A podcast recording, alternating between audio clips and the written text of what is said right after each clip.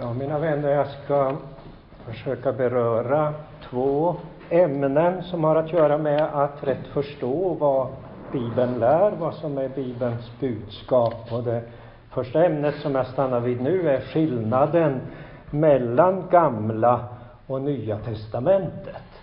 Vad är skillnaden mellan Gamla och Nya testamentet? Vad är det som är helt lika och vad är det som är olika? Och sedan efter vår paus så kommer vi in på vad som är kännetecknande för Gamla testamentets profeter. Jag tror att båda de här ämnena är väldigt viktiga. Vi har inte talat kanske så mycket om just de här ämnena. Jag vet inte riktigt. Om ni nu har frågor, och det Ja, jag ska inte säga att jag hoppas att ni har det, men eh, det är meningen att efter de båda föredragen så ska det bli rikligt utrymme för er att ställa era frågor. Så det betyder att om ni får en fråga nu redan efter fem minuter, undrar jag, var det var lite konstigt vad han sa. Eller hur menas egentligen? Eller kan det där vara korrekt? Så försök att stoppa in det i er hårddisk här uppe och ha kvar den tills eh, det blir en rejäl frågestund allra sist. Tror ni ni kan klara det så, så är, det, är det bra. Nå, vad är skillnaden mellan Gamla och Nya testamentet? Jag börjar med vad som är lika. Och då kan man säga det kort, det är nåden. Nåden kommer inte först i och med Nya testamentet. Nåden är lika evig som Gud själv är evig.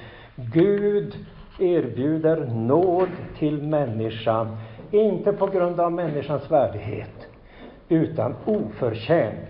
Den oförtjänt kärleken, oförtjänt godhet mot oss. Och det kommer kanske väl så tydligt fram i Gamla testamentet som i Nya. Om ni tänker på hur folket hela tiden vänder Guds godhet ryggen får så mycket välsignelse, så mycket hjälp och så mycket nåd, och så sviker man.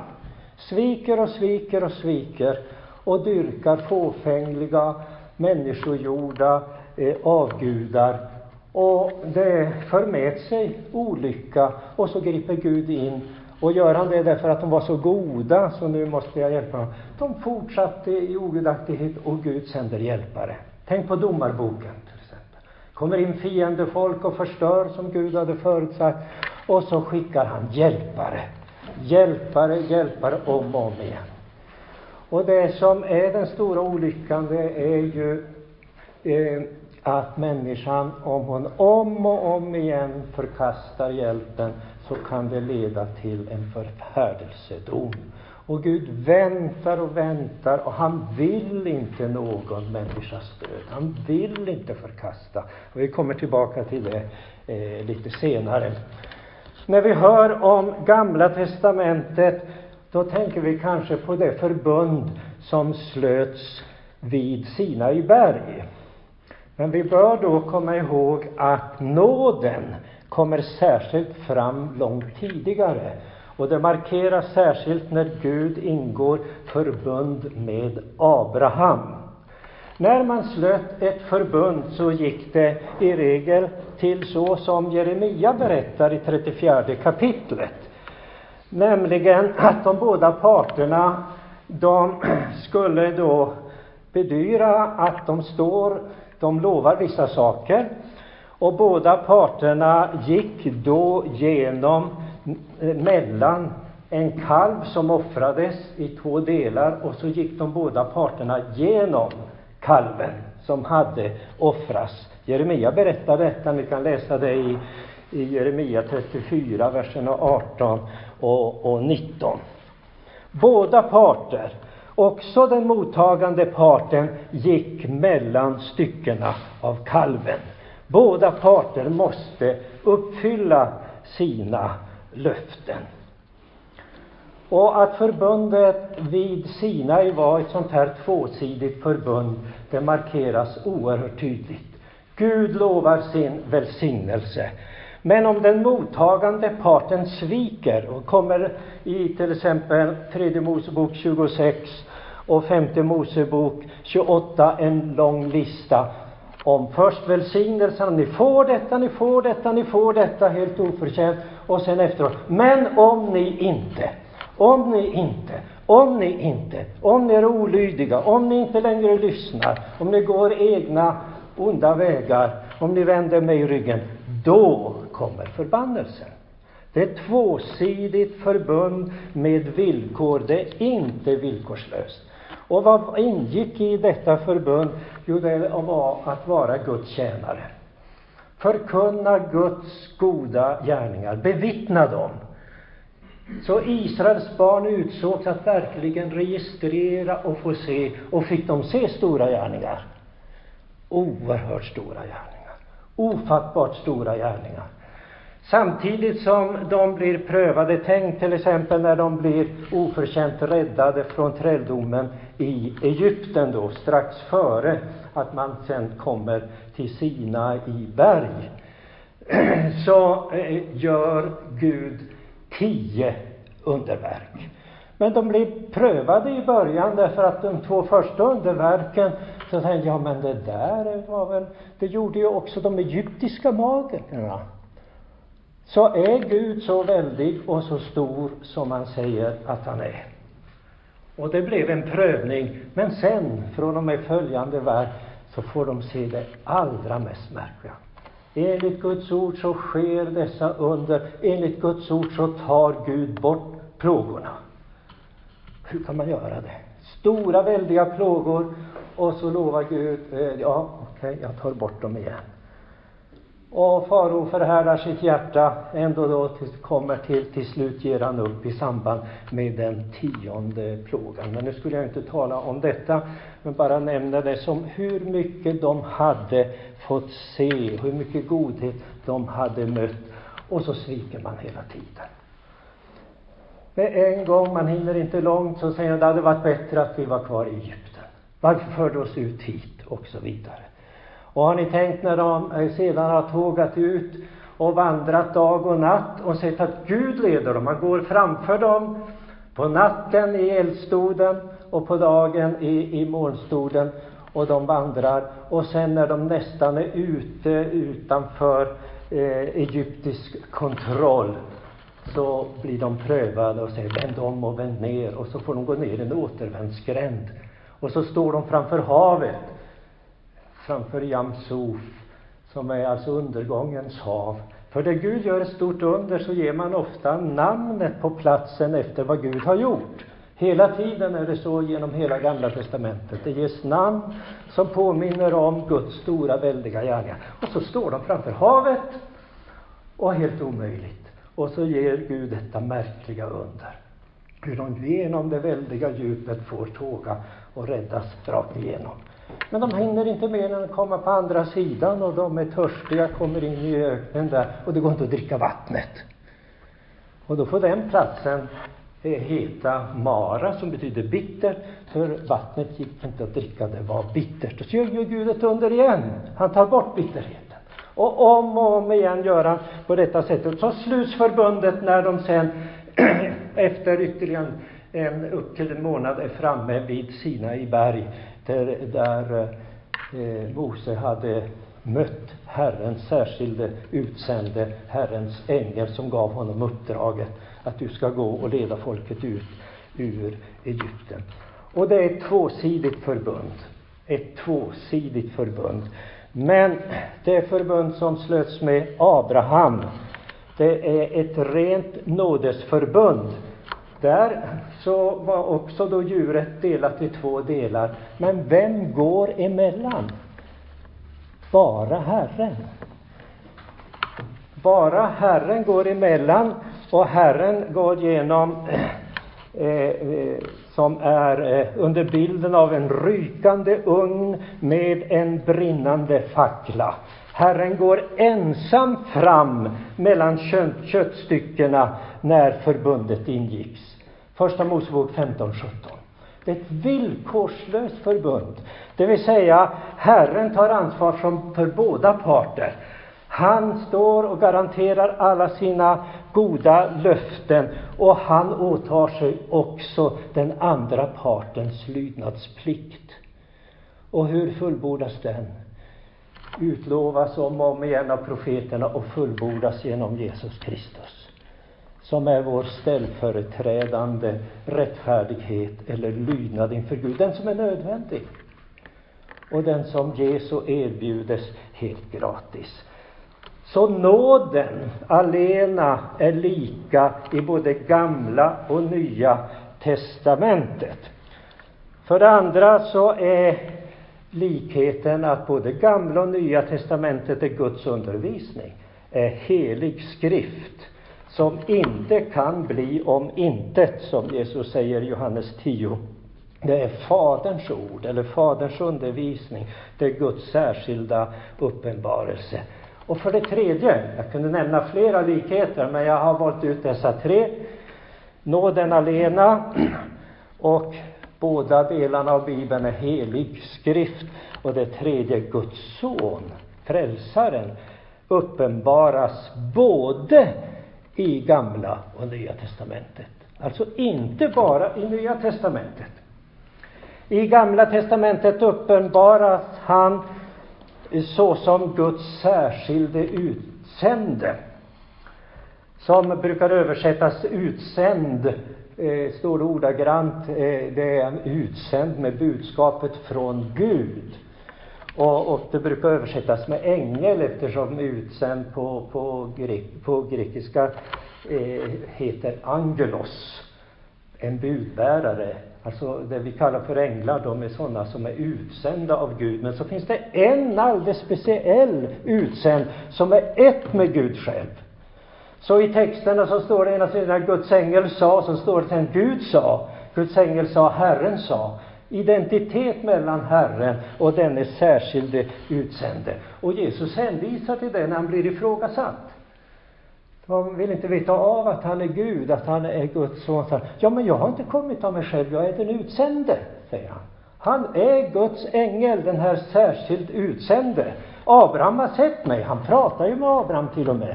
Kommer ni ihåg när de kommer tre stycken, två vanligt skapade utsända och så sen den särskilde utsände själv. Och de andra två går ner, och de två änglarna gick ner till Sodom och Gomorra, men den andra särskilde stannade kvar och pratade med Abraham och Abraham med honom och det var Herren eller Herrens ängel.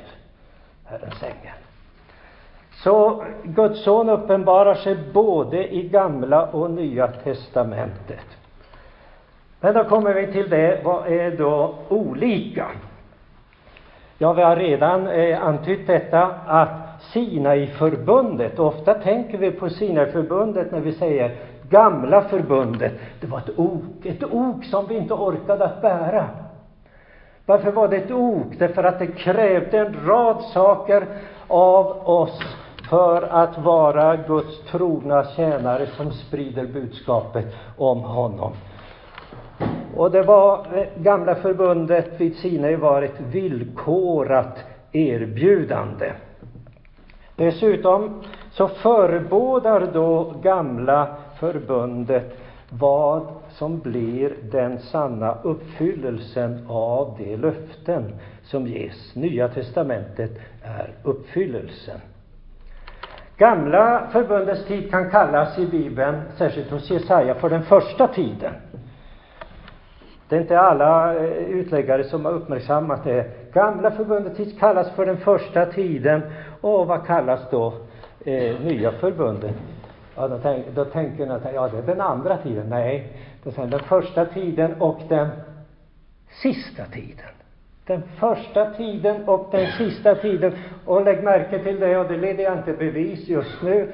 Så i Nya testamentet så är den sista tiden, eller ofta översatt den yttersta tiden, hela tiden från när uppfyllelsen börjar med att Messias kommer och ända fram till han kommer tillbaka på domens dag, den sista dagen. Hela tiden däremellan är, är den sista tiden. I Uppenbarelseboken 24 så kallas den sista tiden för tusen år. Ett symboliskt tal. Som Uppenbarelseboken är full av, av symboliska tal. Det vill säga, det är Guds fullbordan. Tusen, vad är det? Tio gånger tio gånger tio. Tre är Guds tal. Tio är fullhetens tal. tio gånger tio, det blir tusen.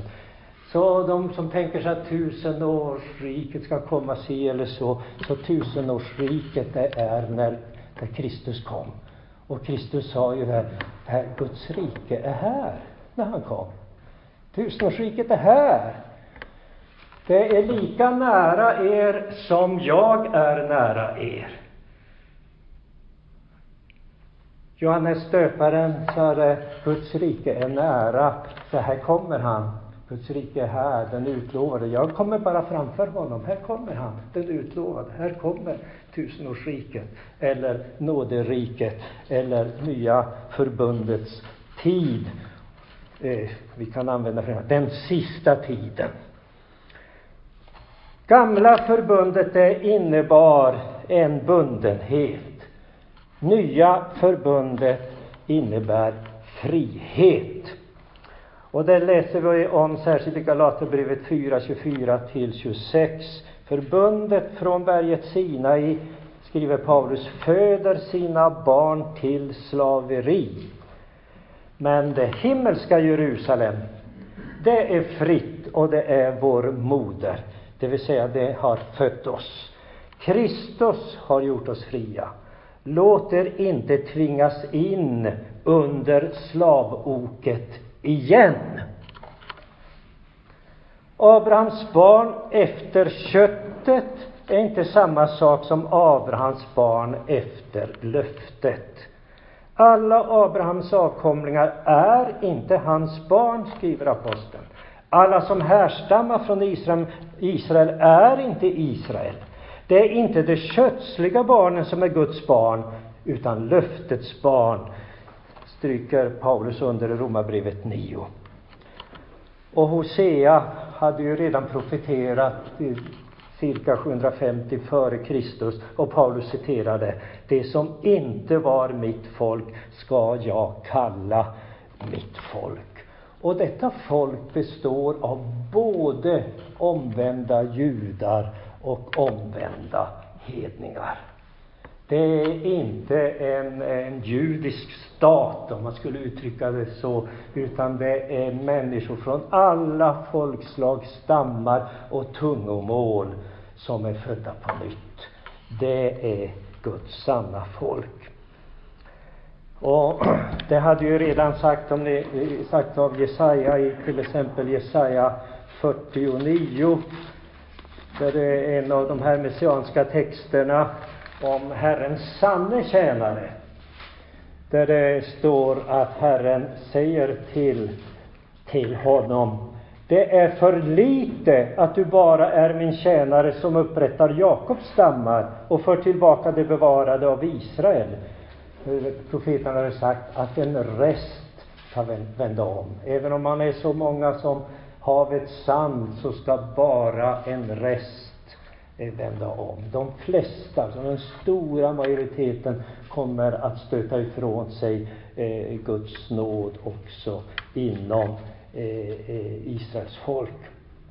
Jag ska eh, det är för lite för dig att föra tillbaka det bevarade av Israel. Jag ska sätta dig till ett ljus för hedna folken, för att du ska bli min frälsning ända till jordens yttersta gräns. Jesaja 49, vers 6. Det som är viktigt att komma ihåg när man pratar om skillnad, det är att under gamla förbundets tid så hade vi eh, ett tvåsidigt teokratiskt förbund. Det slöts vid Sinaiberg cirka 1446 f.Kr. Och detta eh, folk som skulle vara en gudsstat mitt ibland de avfälliga hedna folken, det behövde då mer än morallagen, de tio budorden. De behövde också en rad ceremoniallagar som de måste följa för att rätt dyrka sin kung. Och deras kung var en himmelsk kung. Var en himmelsk kung. Det var därför det var så allvarligt när man sa vi vill ha en kung som de andra folken har. För det var samtidigt uttryck för att det där duger inte att ha Gud som vår kung. Så fick de Saul, vilket blev en olycka. För att rätt dyrka sin himmelske kung så krävdes det en rad detaljbestämmelser hur de skulle leva för att ha den helige och enda sanne guden i sin mitt. Hur skulle det gå? Ja, vi återkommer till det snart. Som gudsstat så behövde de också en civil lagstiftning som reglerade hur nationen skulle styras. Gud lovade att vara deras kung, lovade att ge dem rika välsignelser om, om de lyssnade på honom och handlade efter alla hans bud. Se tredje Mosebok 26 och femte Mosebok 28. Och allt folket lovade då, det här är vid förbundsingåendet enligt Andra Moseboks 24 kapitel, allt folket lovade å sin sida med en mun, enigt, allt som Herren har sagt vill vi göra. 24.3. Och Mose tog då förbundsboken, läste upp den för folket och de svarade, allt som Herren har sagt vill vi göra och lyda. Kommer igen alltså samma sak också i sjunde versen. Hur gick det med det löftet? De svek det nästan omedelbart. Ni kommer ihåg hur man gör som guldkalv? Redan då! Man kunde ju tänka sig att de höll löftet i alla fall i 20 dagar eller någonting. Fruktansvärt. Men det lär oss också Gamla testamentet, liksom Nya testamentet, att det blir inte renhet i hjärtat genom och, och olika saker, utan människan, den gamla människan har köttet, har orenhet i sig. Det behövs en ny människa som bara kan skapas genom Guds villkorslösa nådelöfte. När Guds folk nu vid Sinai sammanfaller med en yttre nation i en avgudadyrkande och mot Gud upprorisk värld och troget ska tjäna den enda sanne guden, ja, vad måste ske då? Ja, då måste all uppenbar orenhet, de kunde ju inte ta ut sina hjärtan. Bara Gud kan ta ut stenhjärtat och ge oss ett, ett, ett troende hjärta. Men den yttre uppenbara orenheten och upproriskheten, den fick inte finnas i nationen. Den måste utrensas. Det under gamla förbundets tid kunde ogräs och vete inte kombineras, finnas där. I en teokratisk nation måste allt ogräs, alltså uppenbar vilsenhet, eh, bort ifrån folket. Det fick inte växa tillsammans fram till skördetiden. Skördetiden, det är tidens slut, det vill säga domedagen, som Jesus talar om i Matteus 13. Men så är det inte i Nya förbundet.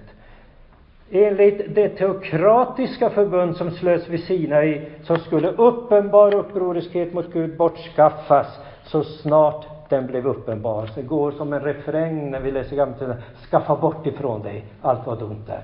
Skaffa bort ifrån dig allt vad ont är. Och ni kommer ihåg när man har kommit in i det utlovade landet så var det en person som hade lagt beslag på det som var under förbannelse och gömt det i sitt eget tält. Och det drabbade hela folket. Och de välsignelsen var borta, de blev slagna av invånarna i Aj. Vad har hänt egentligen? Och till slut så uppenbaras det, och detta måste då eh, teokratiskt skaffas bort. Så hela Akan med hans familj måste avrättas. Du fick inte vara kvar inom folket. Så var det i denna i gamla förbundets eh, eh teokrati. När Gamla testamentets löften om Messias, Christos på grekiska, och frälsningen genom honom får sin uppfyllelse, då instiftar Gud ett nytt förbund med Israels hus och Juda hus. Lägg märke till att det står så. Med Israels hus och juda hus, Ett nytt förbund. Det säger profeten Jeremia redan på 600-talet, före Kristi ankomst. 600 år före Kristi ankomst.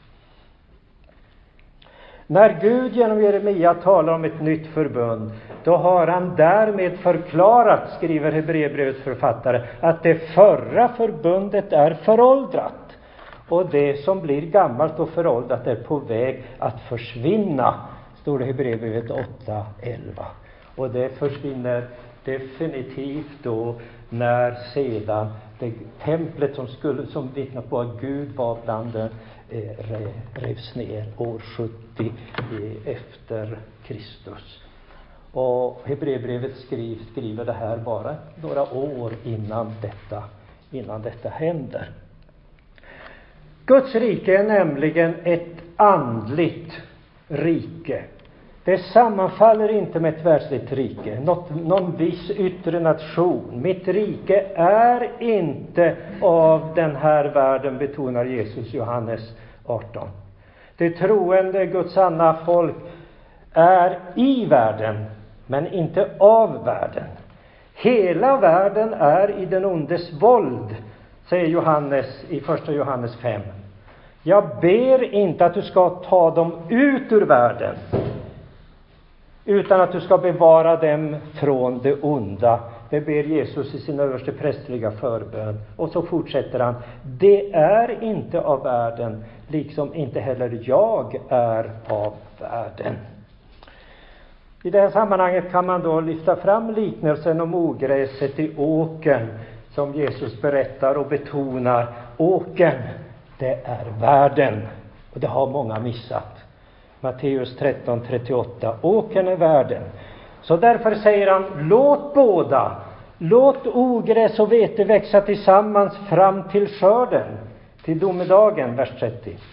Den kristna församlingen däremot, den är inte av världen och därför hör inte ogräs som sexuell omoral, girighet, avgudadyrkan hemma inom församlingen. Det är fullt av det i världen. Men församlingen ska inte vara av världen. Den ska istället stå enad i samma sinne och samma mening. Eh, Paulus i första Korint 10. Den ska vara ett salt och ett ljus i den mot Gud ruttna, upproriska världen. Den ska med en mun förkunna Guds väldiga gärningar, med andra ord vara en sann Herrens tjänare. Så det var om teokrati. Och så vill jag lyfta fram lite hur Gamla testamentet eh, fungerar som skuggbilder, som förebud för den sanna uppfyllelsen, själva verkligheten, som Paulus uttrycker det. Israel hade alltså fått uppdraget att vara Herrens tjänare, men svek grovt detta uppdrag. Uppdraget till Herrens särskilde utsände Herrens ängel, det har alltså gått till Herrens egen son. Han är Herrens sanne tjänare. Han är utan svek. Offren det eh, var förebilder i vissa avseenden då för det fullkomliga offret. Och templet skulle vara peka fram emot det sanna templet. Och det sanna templet, det är Messias själv. Det är Messias själv. Vi kanske återkommer till det lite. Så har vi detta med kungar, överstepräster och profeter som också då pekar fram emot den sanne kungen den, eh, som en kontrast eh, då till den sanne kungen, den sanne översteprästen och den sanne profeten. De många sabbaterna, högtiderna, de eh, pekar fram emot den sanna sabbaten, den sanna vilan. Och renhetsföreskrifterna, som är många, pekar fram emot hur viktigt det är med sann rättfärdighet, sann renhet, som bara finns hos Messias och som tillräknas oss av nåd som en fri gåva. Kolosserbrevet säger allt detta är en skugga av det som skulle komma. Själva verkligheten är Kristus.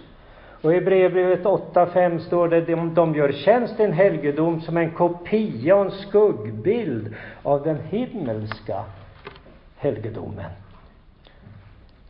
Och vi har också i eh, Hebreerbrevet orden Torah, alltså lagen, de fem Moseböckerna. Eh, jag översätter gärna Torah med det det betyder ordagrant, undervisningen, den gudomliga undervisningen. De fem Moseböckerna är själva basen för hela Guds uppenbarelse. Oerhört viktig, grundläggande. Utan den basen så hänger hela byggnaden med nya förbundet i luften. Fungerar inte. Så de fem Moseböckerna ger en skuggbild av det goda som kommer, men inte tingen i deras verkliga gestalt, står det i Hebreerbrevet 10.1. Och i Romarbrevet 10.4, det är Kristus som är lagens fullbordan till rättfärdighet för var och en som tror. Och då kommer vi in på hur uppenbarar sig Gud då i denna grundläggande uppenbarelse i Torah, i de fem Moseböckerna. Ja, ingen syndare kan se Fadern i hans helighet och överleva. Det är omöjligt. Ingen syndare kan det. Det går inte att kombinera med den fullkomliga renheten och heligheten och orenhet, ohelighet som vi har. Vi bränns upp. Är ni med? Och det betonas både i Gamla och Nya testamentet att Herren, Gud, Fadern, är en förtärande eld. Han bor i ett ljus dit ingen kan komma och som ingen människa har sett och kan se. Det vill säga, ingen syndare kan se det. Och nu kommer vi se då hur, det, hur Gud uppenbarar det här tydligt för oss med Faderns helighet i just Torah.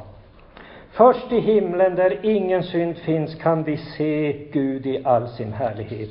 Och det påminner Mose, Israels barn, om Herren, din Gud. Han är en förtärande eld. Femte Mosebok 4.24. Och samma sak blir vi påminda om i Hebreerbrevet 12.29. Herren är en förtärande eld. Så vad, vad måste då Gud göra för att uppenbara sig för oss? Han uppenbarar sig genom sin son. Herrens ängel kallas ordagrant för Herrens ansikte. Herrens ansikte. Det här har bibelöversättarna haft problem med. Eh, vi har inte heller varit riktigt uppmärksamma på det när vi arbetar med folkbibeln, ser jag. För på ett ställe så ändrar vi, som så många bibelöversättningar gör, och säger då Herrens närvaro, när det står mitt ansikte. Man ska se hur det sägs här, för att här har man snubblat och haft väldiga problem när man har kommit till Andra Mosebok 33 när det tas upp, vad ska nu hända när folk så grovt har avfallit genom att ta sig en avgud, en guldkalv. Och Gud säger, jag kan inte gå med er. Om jag går med er så kommer ni att dö. Och Mose säger, ja men, ja, men om inte du går med då, då är det ju meningslöst, då kan vi inte fortsätta. Och då säger han, min särskilde utsände ska gå med. Och så säger han, precis som han har gjort hela tiden förde dem ut ur Egypten, gick framför dem och så säger jag ska inte gå med, men mitt ansikte ska gå med. Om jag går med så kommer ni att dö. Och så har man läst det här, fattar ingenting. Hur är det nu egentligen? Ska Herren gå med eller ska han inte gå med? Och det är hemligheten i uppenbarelsen i den treenige guden, att han kommer till oss genom sin son. Ingen kan komma till Fadern utan genom Sonen. Ingen kan komma till Fadern utom genom Sonen. Mose tyckte också att det här var lite under. Han ville se mera. Jag vill se det, men det gick inte. Han fick bara se Gud på ryggen. Mitt ansikte, mitt, eh, du kan inte se mig direkt. Men han fick se den särskilt utsände som uppenbarar sig som en man som, som kommer, som går. Jag är säker på att den som kommer gående i Edens lustgård, det är inte Fadern. Då hade både Adam och Eva brunnit upp. Utan det är Sonen som kommer. Jag för min del är också övertygad om att när Abraham kommer tillbaka efter att ha jagat eh, för att få tillbaka de fångar som togs, så, så möter han rättfärdighetens kung. Och där man undrar, vem var det egentligen? Judarna tror att det var Shem, ni vet Sem, Ham och Jafet. Men det stämmer inte. För det står så tydligt att denne, han har inget, han är av evighet. Han har inte någon pappa och mamma. Det hade Shem. Han hade Noa och Noas hustru som sina föräldrar. Här dyker plötsligt upp en person som plötsligt står där. Och han är rättfärdighetens kung. Och hur är det med Jesus? Jesus tar upp detta. Jo, han är en sådan som Melkisedek. Han är rättfärdighetens kung. Han är den, den, den evige. Ehm, och, och där Josua för folket in i det utlovade landet, äntligen, så står där en befälhavare över Herrens armé. Och då undrar Josua, vad gör du här?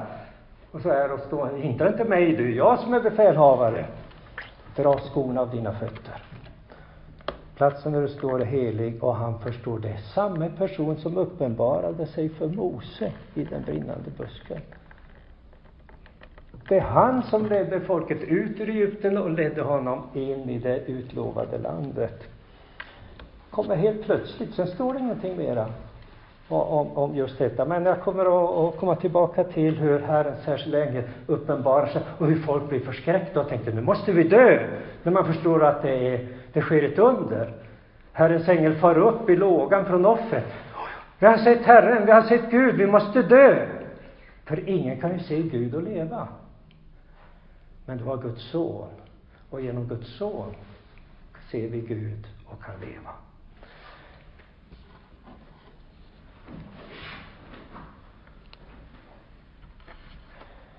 För Mose uppenbarar sig Fadern på ett helt unikt sätt.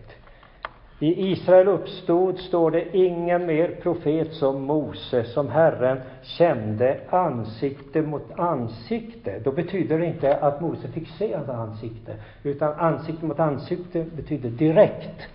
Utan mellan de andra profeterna fick se det genom syner. De fick se en video där de såg, eh, eh, fick se det himmelska och höra. Det var inte stumfilm heller, de hörde vad Herren, Herren sa. Men Mose fick tala med Herren direkt, men han fick inte se honom. När Herren talar till honom i Uppenbarelsetätet så är det kolmörkt där. Han ser ingenting. Han kan inte se någonting. Det är helt mörkt i det allra heligaste, där den är helig fram. För hade han sett honom så hade han dött. Och när han uppenbarar sig i sin helighet på Sinai berg så dundrar det och det brinner en eld och folket skakar för oerhört rädda och säger sen, de hör rösten, men säg tala du till oss, för om vi får höra denna helig, då kommer vi dö.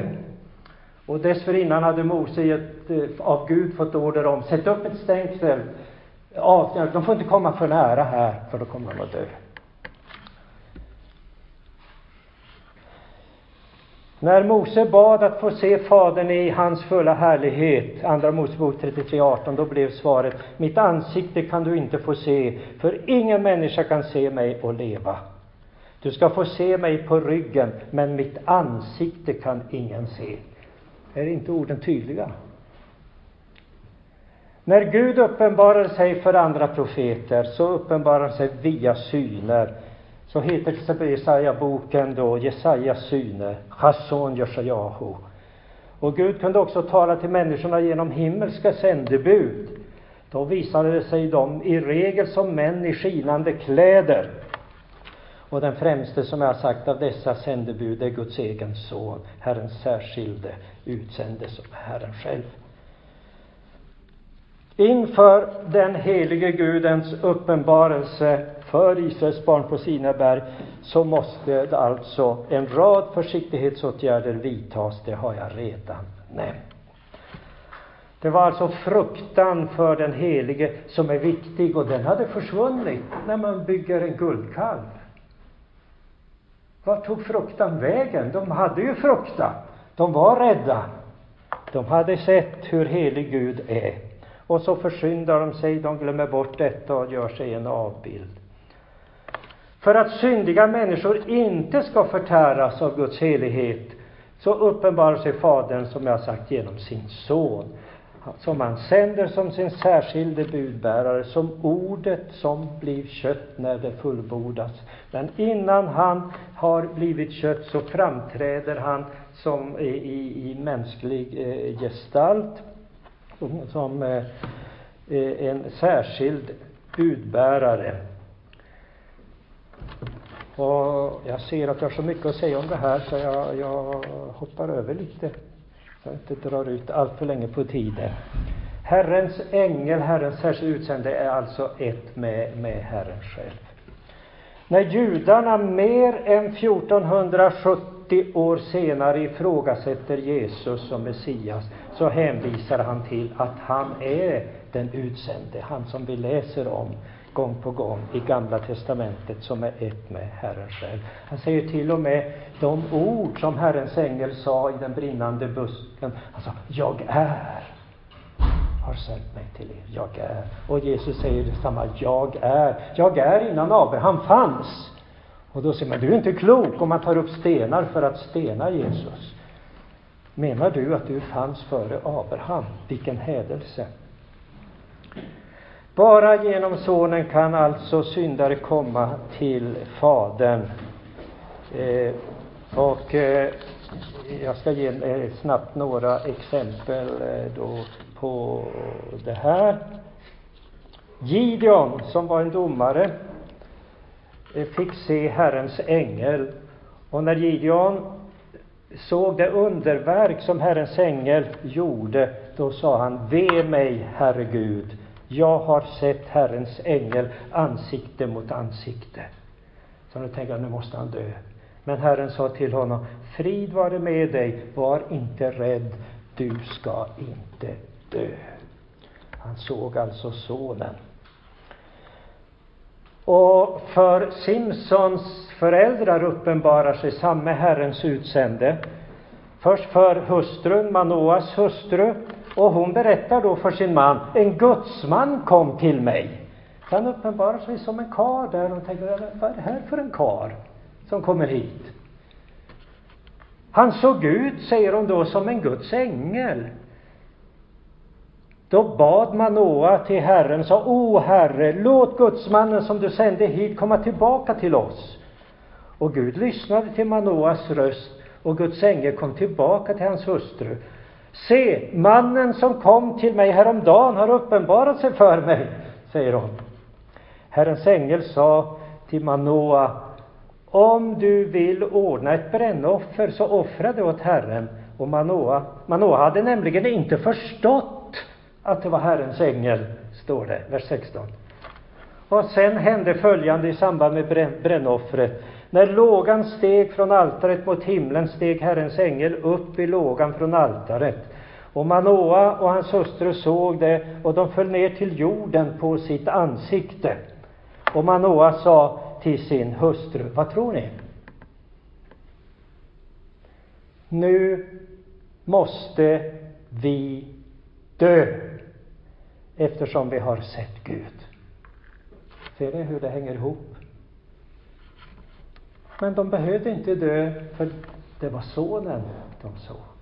Men hade man sett Faderns ansikte så hade alla som hade sett det, Mose och alla andra, inte kunnat överleva.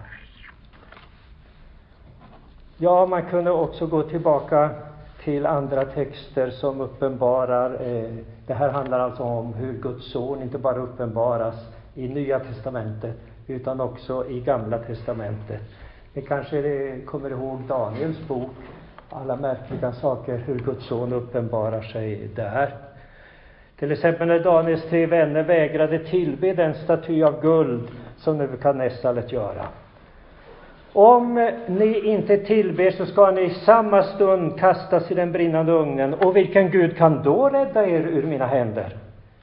Och ugnen gjordes sju gånger hetare och de tre vännerna bands iförda sina byxor, mantlar, mössor och andra kläder och kastades i den brinnande ugnen. Och ugnen hade blivit så starkt upphettad att männen som förde dit Daniels vänner själva blev dödade av eldslågorna. Och kungen Nebukadnessar, som kunde se in i ugnen, han såg då, eh, eller han säger när han tittar in där, var det inte tre män vi band och kastade i elden? Nu ser jag fyra män gå lösa och lediga inne i elden helt oskadda och den fjärde ser ut som en Guds son, Gudas son. Ja, Gud, han är alltså treenig och det är oerhört viktigt. Och det är inte först i Nya Testamentet som det uppenbaras. I, i Gamla Testamentet uppenbaras Fadern i all sin härlighet som en förtärande eld och Sonen genom vilken vi, vi har liv, som ger oss en renhet gratis så att vi inte dör. Och Anden, som jag inte hunnit tala så mycket eh, om, verkar också i Gamla testamentet genom Guds undervisning. Nehemja till exempel skriver om Israels barn, trots deras ständiga avfall. I din stora barmhärtighet övergav du dem ända inte i öknen. Din gode ande gav du för att undervisa dem, läser vi i Nehemja 9 till exempel. Du hade tålamod med dem i många år och förmanade dem med din ande genom dina profeter och de lyssnade inte. Guds heliga ande kom över dem och gav dem de ord de skulle tala och skriva ner. Därför kallas Guds ord enligt Paulus för Guds utandat. Hela skriften är Guds utandad. Teopnestos på grekiska, Andra Tim 3.16. Och Anden har också lett profeterna och har lett apostlarna att nedteckna Guds heliga ord. Och Petrus säger, ingen enda profetia har burits fram genom någon människas vilja, utan ledda av den helige Ande har människor talat vad de fått från Gud. Ja, tiden går, nu ska jag sluta. Jag tänkte avrunda med Bibelns kärna och stjärna, men det sparar jag till en annan gång. Så ska ni få vila eh, lite grann och få lite rast. Ni kanske behöver lite kaffe kaffe och annat sådant innan vi sen så småningom fortsätter med vad är kännetecknande för Gamla testamentets profeter. Tack för att ni har lyssnat.